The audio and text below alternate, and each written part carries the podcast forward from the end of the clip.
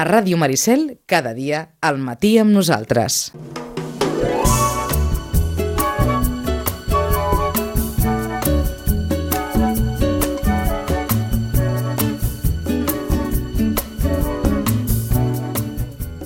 Doncs eh, dos minuts per arribar al punt de tres quarts eh, de 12, des d'ara i fins al final del programa. Com cada 15 dies saludem a la Marta Sánchez des de l'espai de les biblioteques. Marta Sánchez, bon dia. Hola, bon dia. Anem ràpid perquè Sí. ens porta recomanacions i així, si tenim temps de, eh, d'una miqueta de destilar-ho tot. Però eh, d'entrada, com sempre, l'agenda, oi? L'agenda, doncs va, farem ràpidet també. Uh -huh. Com que tot està per, vull dir, això, a la nostra, a la nostra web, per Instagram, en el butlletí electrònic, hi ha tota la informació, doncs fem una repassada Doncs ràpida. repassem el, el que hi hagi pels propers dies a la, pels propers 15 dies a les Sí. biblioteques. Doncs dimecres 18, Mhm. demà, per una banda, la Santiago Rossinyol, la Biblioteca Santiago Rossinyol, a dos quarts de sis tenim l'hora del conte de cada mes. Mhm. En aquesta ocasió vindrà la Gina Clotet i ens explicarà contes de ratolins. Els protagonistes seran diferents ratolins que viuen en contes prou coneguts i entre tots ells doncs, farem aquesta sessió especial. Llavors coneixerem en Frederic, que és un, és un conte molt bonic i molt conegut, Uh, coneixerem un ratolí que vol pujar fins a la lluna, la rateta presumida, en fi, doncs, tot aquest tipus de personatge que són prou simpàtics en tots els contes. els ratolins que són uns clàssics dels contes, doncs tindrem aquesta del conte, contes de ratolins a partir de 3 anys.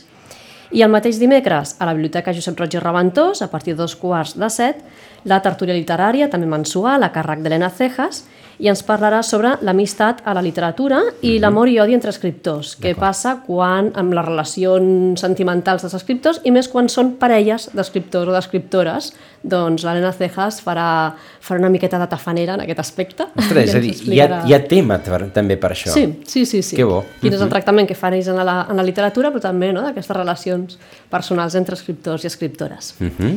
El dijous 19, a dos quarts de set, a la Biblioteca Santiago Rossinyol, una nova sessió del Liceu VIP. Uh -huh. En aquesta ocasió, la Verònica Mainès, que és musicòloga, ens parlarà de Wozzeck, de, de Lamberg, que és el Van, perdó, el Van Berg, que és l'òpera que s'està eh, programant ara al Gran Teatre, de, Gran Teatre del Liceu i la Verònica Mainés doncs, ens explicarà aquestes prèvies, que després qui vol anar al Liceu i anar amb més informació, doncs, i si no es va al Liceu, doncs tenim aquesta informació d'aquestes grans òperes que, que sempre doncs, val la pena, no? De- d'aprendre de música i d'aquesta- de tot aquest art. El divendres 20, a dos quarts de sis, a la Biblioteca Josep Roig i Reventós, l'hora del conte setmanal, i van ser feliços, a càrrec d'Anna Garcia. Aquesta hora del conte ens serveix per commemorar el Dia Internacional contra la GLTBI-fòbia. Uh -huh. És una hora del conte a partir de 3 anys i els protagonistes són un príncep, en Bruno, i el Jordi, que és el fill d'un cavaller. Ells dos són amics inseparables des de fa molt temps i viuen grans aventures, però un dia un drac molt gran va viure en una cova propera al poble uh -huh. i el Jordi i el Bruno doncs, aviam què podran fer per solventar aquest problema. D'acord.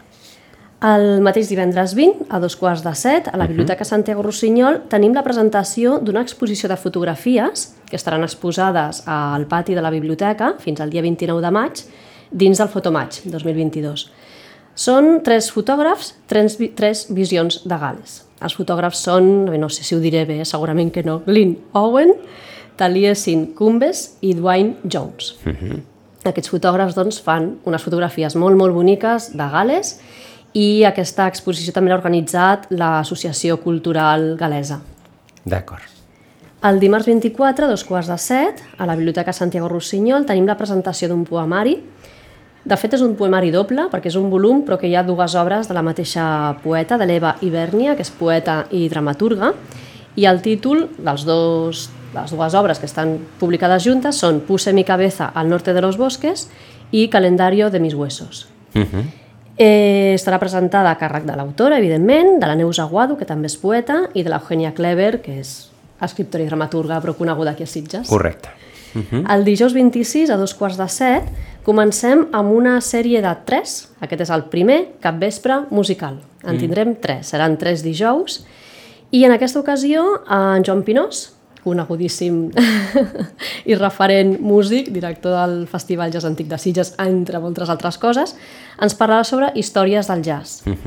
Per tant, és una xerrada que ens explicarà això, no? històries del jazz, a partir de, de les anècdotes i de cançons, i evidentment tenim el Joan Pinós a la biblioteca, doncs tocarà en, en directe, i per tant compartirà els seus coneixements sobre el jazz i portarà diversos instruments per tocar les peces en, en directe. Uh -huh. Aquest serà el primer capvespres musicals, el segon serà el dijous següent, però ja és de juny, ja no entraria dintre d'aquesta quinzena, però avancem, eh, i anirà a càrrec del Sergi Ramírez, i ens parlarà sobre, can sobre cantautors. D'acord. També amenitat música.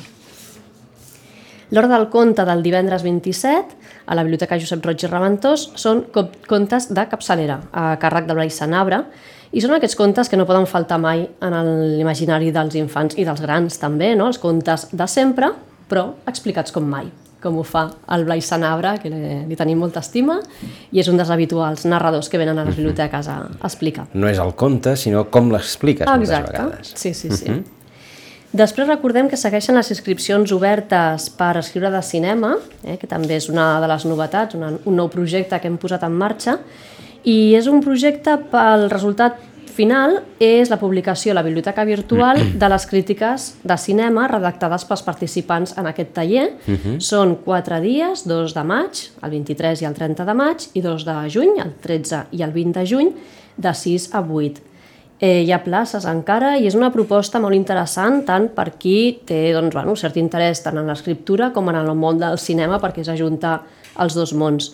Um, som 10 biblioteques que participem en aquest projecte i les pel·lícules de les que s'haurà de fer aquesta crítica, totes giren al voltant de l'amor, però cada biblioteca té com una especialització i a nosaltres ens ha tocat, bé, ja vam triar, eh, també, uh -huh. era una de les propostes que vam fer, les dels amors paral·lels.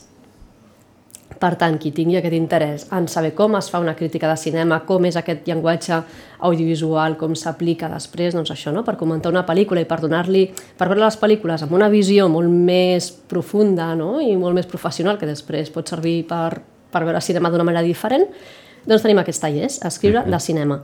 Uh, van a càrrec d'un gran expert en aquest tema i per tant us recomanem que tothom tingui aquest punt de curiositat doncs, que, que s'apuntin, que encara hi ha places. D'acord. Tenim també la 22a Marató de Lectura en marxa. Uh mhm. -huh. Tenim ja nens i nenes apuntades, llegint i fent aquesta, aquest autorrepte de ser capaços de llegir 8 llibres, 8 llibres en, en un mes, durant uh -huh. el mes de mhm. maig. I, I aquí estem, el llibròmetre ja va pujant, tant uh -huh. en mhm. una biblioteca com l'altra, i queden aquests 15 dies encara per, per anar fent, per, acabar... per a les biblioteques, anar agafant en préstec uh -huh. i anar tornant. I també volia destacar, clar, que no surt això a les agendes, no? sempre ho diem i de tant en tant ho recordem, el tema de les visites a les escoles. Mm -hmm. Durant aquest curs, 2021-2022, hem rebut doncs, un munt, bé, de fet hem rebut tres escoles diferents a la Santiago Rossinyol i tres més a la Roig i Reventós. Han sigut 57 sessions a la Santiago Rossinyol i 45 a la Roig i Reventós. Sessions és classe, grup classe, mm -hmm. eh? 4, quart A, quart B, eh? doncs mm. així, fins a 57 en una biblioteca i 45 en una altra, i són uns 900 més o menys alumnes per, per cada biblioteca, o sigui, es pot dir que passen tots els nens i nenes de Sitges passant en algun moment o altre per les biblioteques, des de P3 fins a 6è, i a part d'això volia destacar que les estem fent a la Biblioteca Santiago Rossinyol visites en primer de l'ESO, de l'Institut Benaprés, i a vegades no, això que diem, oh, que els adolescents que no llegeixen, que, que difícil. Potser ens agradaria que llegissin més i realment llegeixen poc per oci, no? no llegeixen poc perquè sí, però que bé que ens ho estem passant en ells en, en aquestes visites. Mm. Sí, sí, sí, i ells sorprenen també. Han vingut a primària, no?, a les biblioteques, però ojo que ara ja van a l'institut. Mm. però això de tornar a la biblioteca, de tenir aquesta estona que els hi proposem doncs, bé, diferents tastets de llibres i parlem amb ells i ens ho estem passant molt bé, tant per mm -hmm. una part com, com per l'altra. D'acord, doncs mm. eh, aquesta manera la, la qüestió és que, és que després es converteixin en clients. Sí, però tampoc pretenem que ho siguin ara perquè uh -huh. entenem que, no, que en aquestes edats tenen això, doncs, molts inputs, moltes coses a fer i bueno, estan com en una altra esfera, dic jo, però allà estem i ho saben, que ens coneguin, que ens uh -huh. recordin i ja recuperaran el costum quan la vida els hi porti cap aquí. Correcte. Però però aquesta estona amb ells, la veritat que ho estem gaudint molt, no? I el fet de que surtin de la biblioteca nanos de 12 a 13 anys, havent passat una bona estona envoltats de llibres, sense cap més pretensió, és, és, és objectiu al final per nosaltres, uh -huh. eh? I, i, i tornen, alguna ha tornat ja. Sí, sí. Perfecte. Sí, sí, sí. I a part també igual que l'any passat, hem fet hores del conte a les escoles uh -huh. i aquest any ho hem fet amb els nens i nenes de sisè. Val. I també ha sigut molt bonic perquè els petits estan acostumats a que els expliquin contes, però sisè ja és una altra història. I també es crea una complicitat molt maca amb els narradors que han vingut, la Montmas, el Joan de Boer i la Sandra Rossi, i l'any que ve doncs, repetirem. Ho hem fet amb les cinc escoles, Maria Usó, Barratxina, Miquel Utrillo, l'Escola Pia i l'Agnès de Sitges, i està sent una experiència també molt maca i bé, doncs 220 nens i nenes d'11 a 12 anys uh -huh. han passat una hora molt maca escoltant contes. Escoltant contes, i mm. que no ho diries, eh, nens de sisè. Eh? Exacte. no, que no és el públic de l'hora del conte. Això. Exacte, uh -huh. per això nosaltres anem a les escoles. Si ells no venen, nosaltres anem, cap problema. Perfecte.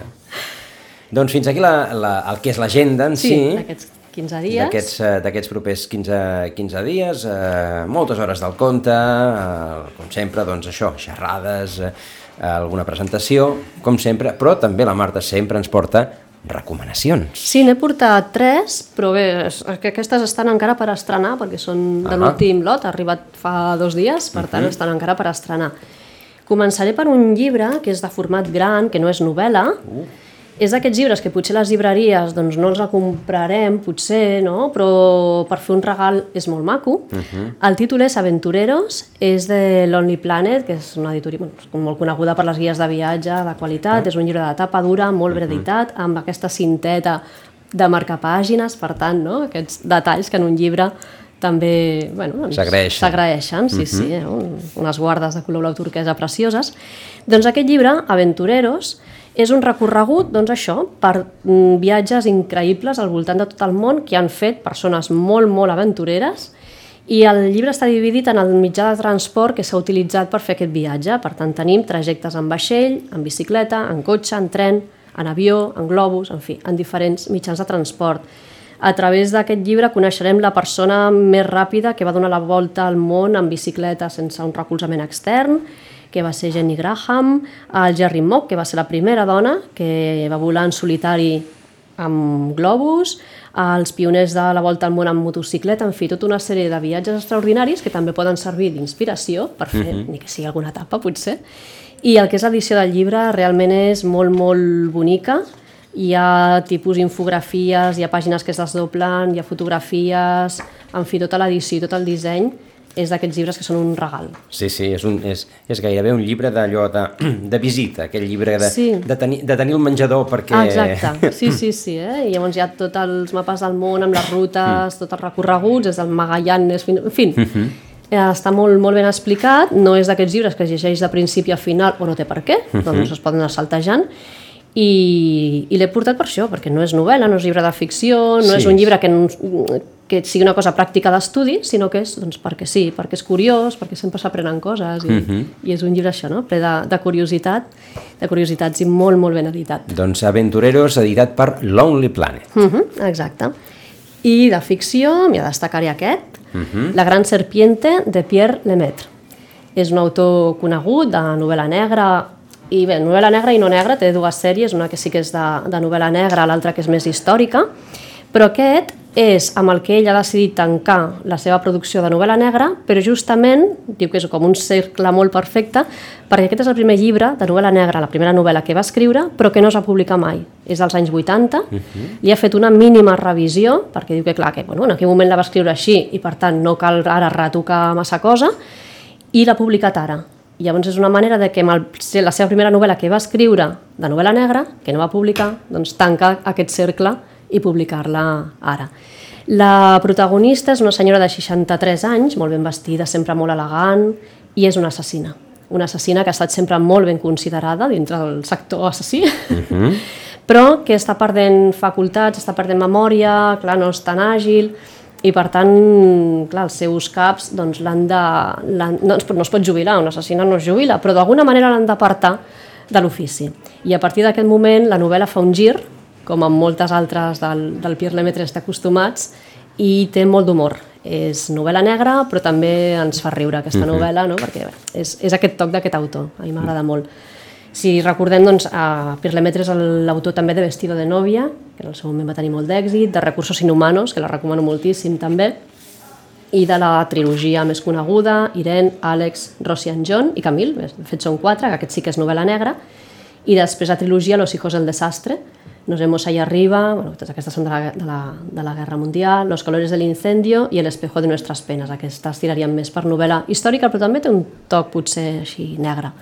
Per I tant- aquesta, que és la que ens ha arribat última, que és la primera novel·la Exacte, la que ha arribat va escriure. última, però Sí. que Pierre Lemaitre Ah, eh, doncs la va, eh, va ser la primera que va escriure, i és, entenem que també és allò, aquell desig de l'escriptor de dir, Mhm. ostres, aquesta que no va sortir, aquesta que no va sortir, doncs, m'agradaria Mhm. veure-la publicada. Exacte. Doncs és una altra de les, eh, de les recomanacions que ens ha, que ens ha portat avui la, eh, la Marta, recomanacions doncs, que van des d'aquesta novel·la, amants de la novel·la, doncs hi ha moltíssimes coses per, eh, per triar i per rebuscar a les eh, biblioteques fins a doncs, aquest, aquest Aventureros, que és una, una molt bonica proposta d'aquesta editorial dedicada, com deia la Marta, als, eh, als llibres de, de viatge. Mm, bon moment també hi ha per pensar, oi, en els viatges. Per inspirar-se. Eh? Sí, per sí, sí, inspirar-se. per fer una- bona aventura. S'acosta l'estiu, en principi el primer estiu sense restriccions en dos anys, si la cosa continua igual, ja veurem, eh, ja veurem i per tant, doncs, eh, és una bona manera, també una bonica manera. Hi ha guies de viatges, recordem que les guies de viatges a les biblioteques són, són les d'aquests llibres que caduquen ràpid, eh? Per tant, si troben una guia de viatges a la biblioteca vol dir que és recent. Sí. Vol dir que és recent i per tant doncs, la, poden, la poden aprofitar. Uh, Marta Sánchez, des de la Biblioteca Santiago Rossinyol, moltíssimes gràcies, com sempre. Gràcies a vosaltres. I ens retrobem d'aquí a 15 dies. Exacte. Gràcies.